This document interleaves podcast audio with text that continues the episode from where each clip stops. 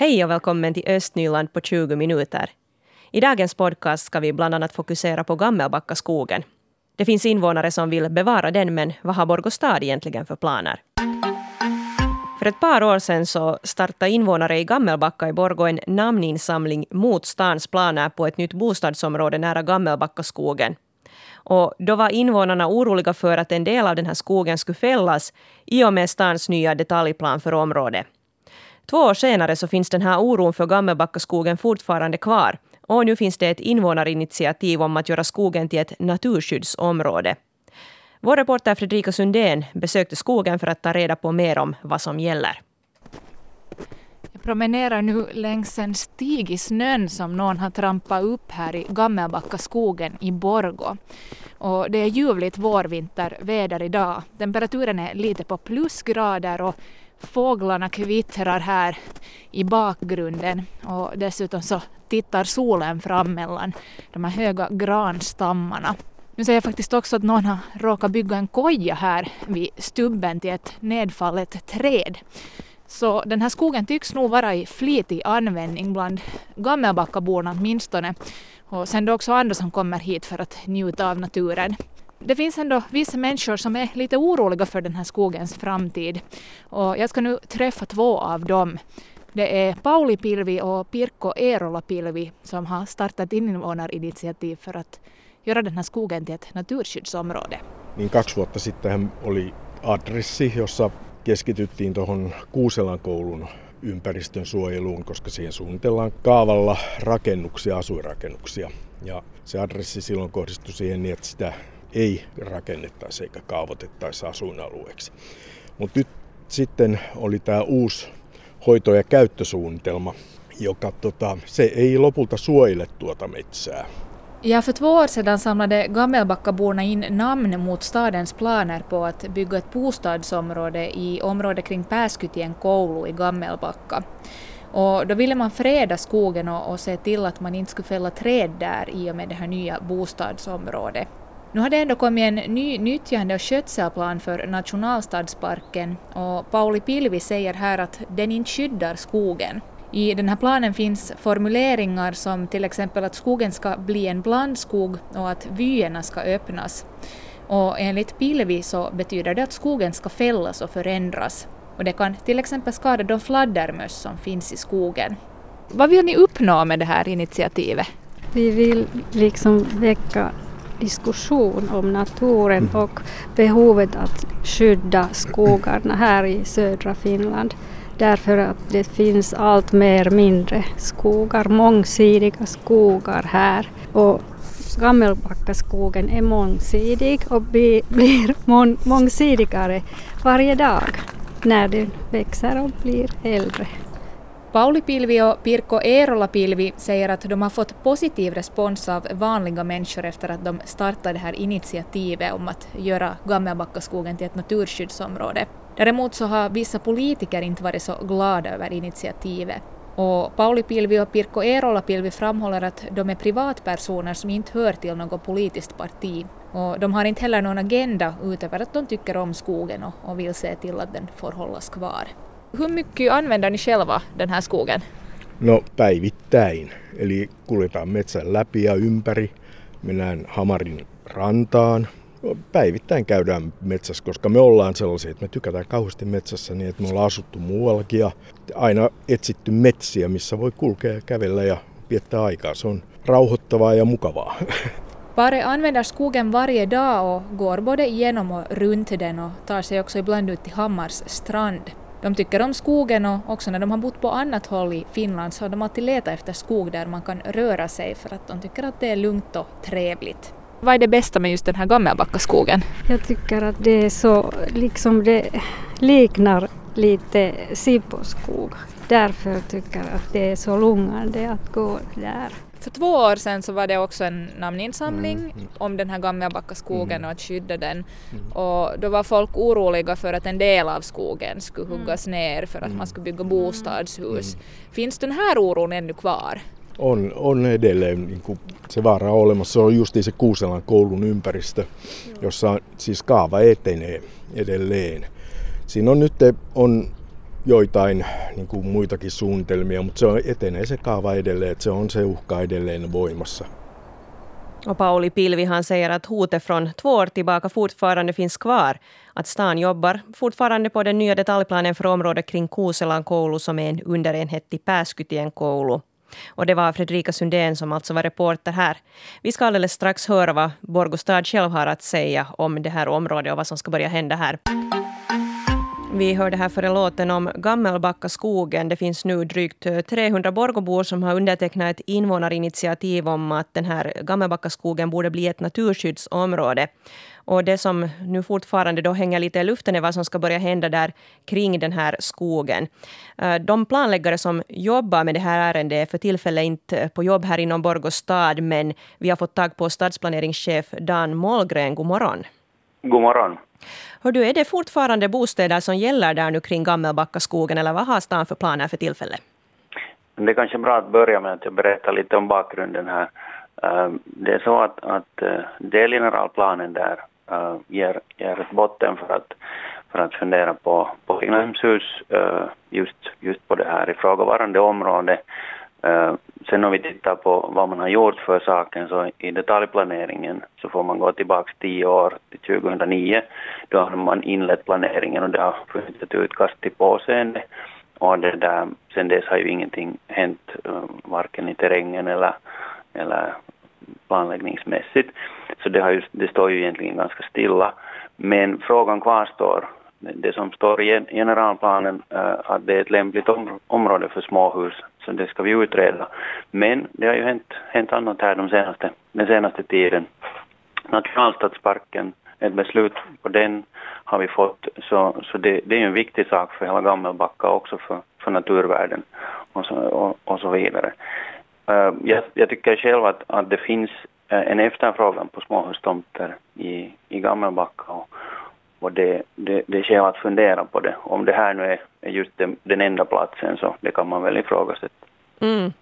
Nå, vad har ni då för planer för själva skogen? Ska den då delvis huggas ner eller vad kommer att hända med den?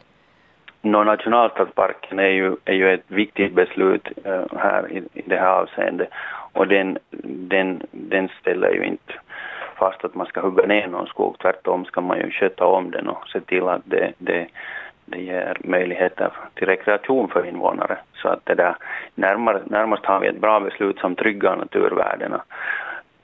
Sen, sen vill jag tillägga det också att, att äh, även om, om, om man skulle planlägga äh, småhus i området så, så samtidigt skulle det ju bli aktuellt att fundera på detaljplan också för grönområdena som det, som det är just nu så är det faktiskt står hela området utan detaljplan. Mm. Så även om man bygger småhus kan det betyda då att skogen kan bevaras? Absolut. Inte får man tänka så svartvitt tycker jag att det ena utesluter det andra.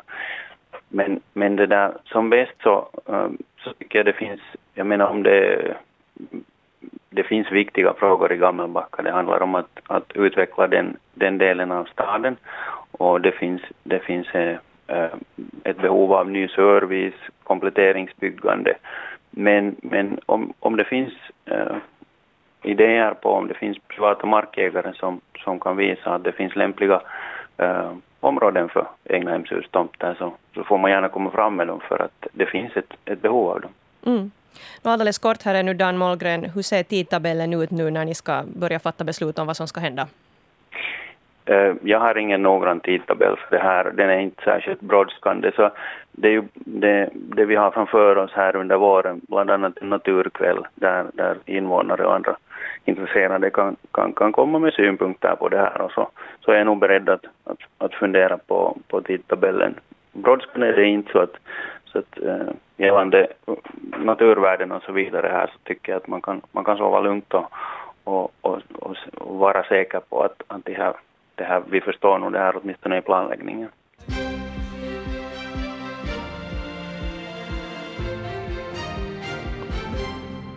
Klockan är halv åtta. Det här är de regionala nyheterna med Stefan Härus. God morgon. Nu är det klart att Sibbo kommuns förvaltning flyttar från sockengården i Nickby. I framtiden kommer stora delar av Sibbo kommuns förvaltning att finnas i företaget Livals fastigheter i Kyrkoby. Igår beslöt kommunstyrelsen att hyra bland annat företagets kompetenscenter. Hyresavtalets längd är fem plus tio år. Hyran Sibbo kommun betalar är 21 000 euro i månaden. Avsikten är att under november månad lämna sockengården i Nickby för de nya lokalerna. Tio års fängelse för dråp, det yrkar åklagaren på i fallet där en kvinna knivhögg en man till döds i samband med ett gräl förra sommaren i Borgo. Rättegången mot kvinnan inleddes i Östra Nylands tingsrätt igår. Kvinnan nekar till dråp men medger narkotikabrott och grov misshandel. Försvaret anser att kvinnan handlat i självförsvar. Tingsrätten fortsätter behandlingen idag. Enligt de undersökningar som gjorts slinker farligt avfall ännu lätt ner i fastigheternas blandavfallskärl. Därför driver nu det regionala avfallsbolaget i Östnyland, Rock'n'Roll, som bäst en kampanj för att effektivera återvinningen av farligt avfall. Farligt avfall är avfall som på grund av sin kemiska egenskap orsakar fara eller skada för hälsan eller miljön när det hamnar på fel plats. Till farligt avfall räknas bland annat batterier och mediciner. Medicinerna bör föras till apoteket och batterierna till livsmedelsbutiken. I vår och under sommaren ska Rock'n'Roll arrangera också ambulerande insamlingar av farligt avfall. Borgå Akilles bandyherrar förlorade igår i Vilmanstrand under den tredje semifinalmatchen mot Veitara. Det här med resultatet 12-2. Och de två tidigare semifinalmatcherna så förlorade Akilles också. Det var då 6-3 som var resultatet på bortaplan och 3-5 när man spelade här hemma. Och den här semifinalen spelades alltså då enligt bäst av fem. Och det betyder att Akilles går till bronsmatch nu och inte till final. Och motståndarna i bronsmatchen blir då antingen JPS eller Kamparit. Det klarnar här inom kort. Jag har nu Andreas Flink och Raul Karlqvist här från Borgå Akilles bandyherrar i studion. Välkomna hit. Tack. Tack, tack. Nåja, ni är kanske inte så glada idag. Vad säger Andreas? Nej, inte för glada. Inte. Lite trötta och mm. så vidare. Det blev en sen kväll igår. Ja, efter midnatt. Ja. Vad säger Raoul? Hur är stämningen idag? Mm, nu är den lite deppig förstås. Att vi hade väntat spela lite bättre match i Vilmastrand, avgörande matchen, men de avgjorde ganska tidigt sen och, och, vi kom aldrig in i matchen efter det, så siffrorna talar för sig sen. 12-2 mm. så var ju bättre. Bättre igår. Ja. Nå, Veitare har ju nog haft en ganska så här krossande framfart här i, i ligan. Hur gick det nu så här för alla andra? Vad säger du, Andreas? De är nog ett bra lag. Att de har stark lagmoral och de har ganska så samma lag nu haft i några år. Och deras, ja. deras utländska tränare där så har gjort ett bra arbete. Och killarna vet vad de ska göra på plan och så vidare. Så det här, man måste lyfta hatten åt dem. Att det, det, är nog, det är ett starkt lag helt enkelt. Mm. Vad säger Raoul? Vad har Veitara som Akilles saknar? Mm.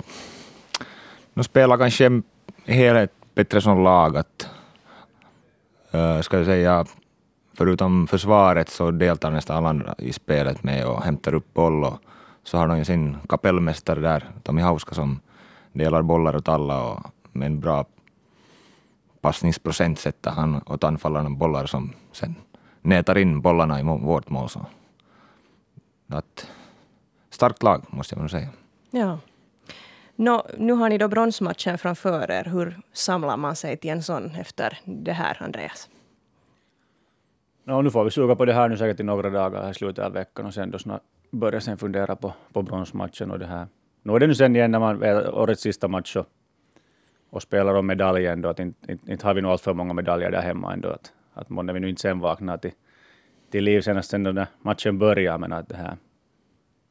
Men jo, nu känns det lite surt det här ändå, inte vet jag. Vi, vi, nu klart vi går ut och vinner den sista matchen och vill ha den medaljen med. Mm. Ja. Nå, vad tror du Raul, JPS eller Kamparit, vem skulle vara en bättre motståndare med tanke på ert eget spel? Ja, kanske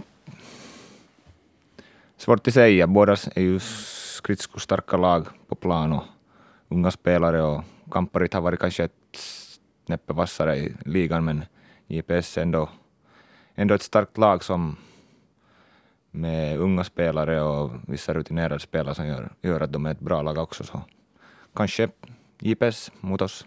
Får se. Mm. No, hur gör man sen i praktiken när man förbereder sig?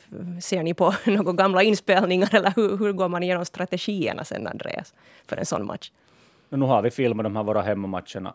Säkert så gott som alla matcher har vi på film nu. Och, och det här. Vi förlorar mot JPS här hemma och vi förlorar också mot Kamperit här hemma. Så, så visst har vi, har vi videofilm på det, att, att lite hur de, hur de bygger upp spelet och mm. lite hur de möjligtvis rusar i hörnorna och skjuter hörnorna och så vidare. Det, här, det hör ju sen då till, till tränarstaben att kolla igenom videorna och sen då lite försöka enligt det sen då bygga upp vår, vår plan.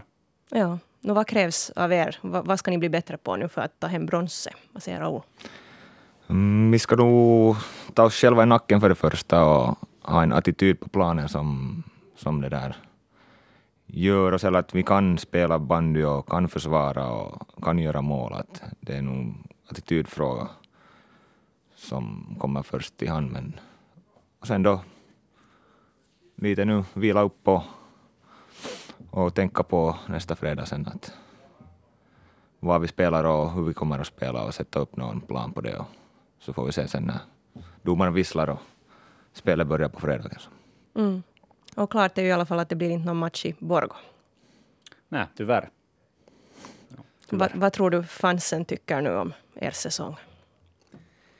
nu är de säkert besvikna också förstås. Nu har de förväntningar också. Det hade vi också. Vi, vi har ändå ett bra lag, vi vet det. Och vi vet vad vi kan prestera när vi, när vi spelar som bäst. Och, och det mm. vet de också. Att det här, helt rätt av dem att, att vara besvikna. Det är vi också. Ja.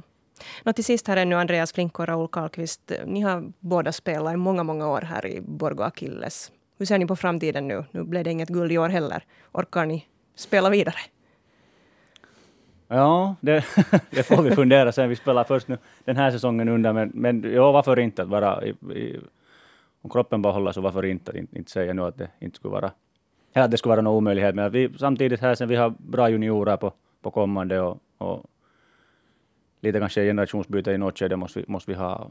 Men att det här, på det sättet ser det bra ut. Vi har, vi har bra juniorer på kommande nu. Mm, jag säger Raoul. No, håller nog med med Andreas att gamla gubbar så hänger med ännu en, en stund kanske och, och på plan och så här, men juniorerna de börjar växa fram och de går ju hårt på rören som, som sagt och, och det där. Vi får kämpa och vi ska se kanske inom några år, vem vet. Att det är sen hur vi lägger upp sommarträningarna och hur folk går framåt på träning och på liksom spelmässigt och så här. Att det hänger sen fast juniorerna sen i något, något skede när vi, vi gamla gubbar lägger av, så att mm. säga. Nå, vet du, nu har ni mycket att ge ännu. Inte ni nu så gamla.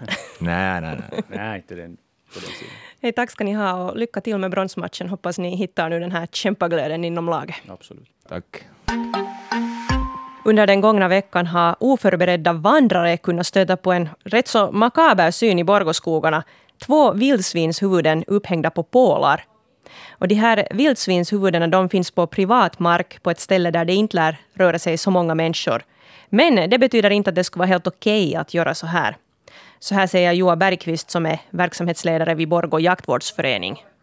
Nu är det jaktlagen som, som ska se till att, att gör görs av med på ett sakligt sätt och att sätta upp dem på pålar så är nog inte helt sakligt att vad det sen är fråga om kan jag inte desto mera, mera säga men att no, där, är, där är ju det att människor rör sig mycket i naturen. Nu har det varit en, en fin, fin vinter här med bra skare som människor har varit röra sig på. Och det är ju, fast man tror att man lämnar slaktrester på sådana ställen som inte människor går så, så alltid finns det sådana som kan se dem och, och sen fundera över att vad det är fråga om. Visst kan man lägga upp skyltar också att, att i det här området finns slaktrester för att informera människor som ser. Om ett jaktlag lämnar några djurrester ute i skogarna så kan det finnas någon tanke bakom det, då att det ska fungera som bete eller, eller något sånt här? Ja, slaktrester, för det första ska du alltid ha jaktlaget och markägarens tillstånd att få lämna, lämna slaktrester och, och det används ju mycket som åtlar för, för, för både rev och, och mårdhund då, som, som sen vallas på och skjuts bort och det är ju ett, ett effektivt sätt att, att få mårdhundstammen ner. var det nu då så att det här jaktlaget i fråga hade lovat att de ska ta bort de här vildsvinshuvudena? Ja, på det här jaktlaget som jagar på de markerna kollar upp saken och går och, går och tar, tar ner dem och ser till att de ligger sakligt där som de ska ligga. Och där hörde vi Joa Bergqvist från Borgå jaktvårdsförening. Det var Mira Bäck som ringde upp honom. Östnyland på 20 minuter är en svenska YLE-podcast. Det finns flera poddar på arenan. Jag heter Katarina Lind. Tack så mycket för sällskapet. Vi hörs igen.